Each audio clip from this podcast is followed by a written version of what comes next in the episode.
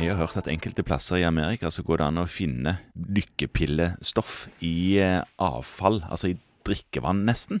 Fordi man bruker så mye av det og hiver så mye av det at eh, Ja, og kanskje har noe det rent gjennom pasienten også. Ja, at man rett og slett klarer å finne det i, eh, i avfallsprodukter fra husholdningen. Ja, det har jo blitt en relativt vanlig behandling. F.eks. Cipralex. Ja, Hvordan virker disse tingene? det vet vi jo ikke helt.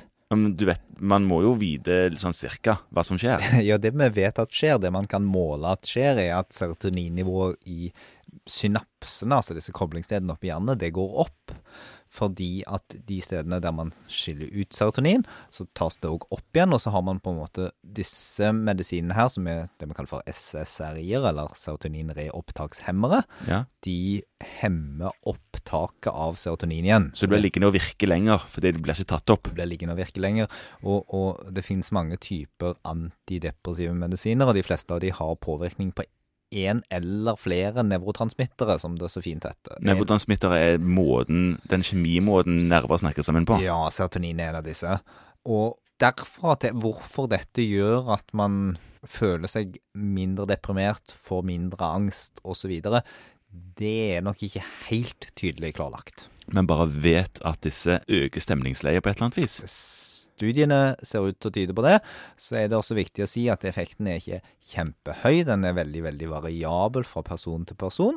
Og har du manglende effekt på én medisin, så kan du med fordel prøve å bytte til en annen.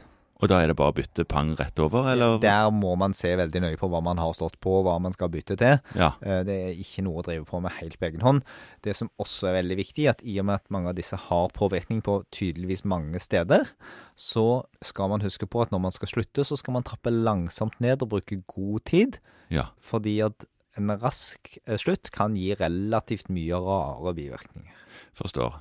Og så er det vel òg sånn at eh, hvis man er deprimert og får disse medisinene, så kan man faktisk rett og slett bli litt verre helt i starten. Ja, det er også beskrevet, så det er jo noe å passe på når man får utskrevet medisin, at man får hyppig oppfølging av sin behandler. Ja. Og ikke være veldig redd hvis man opplever det, for det er en bivirkning som er kjent, og heller ta kontakt dersom du syns at det blir for ille. Absolutt. Ja.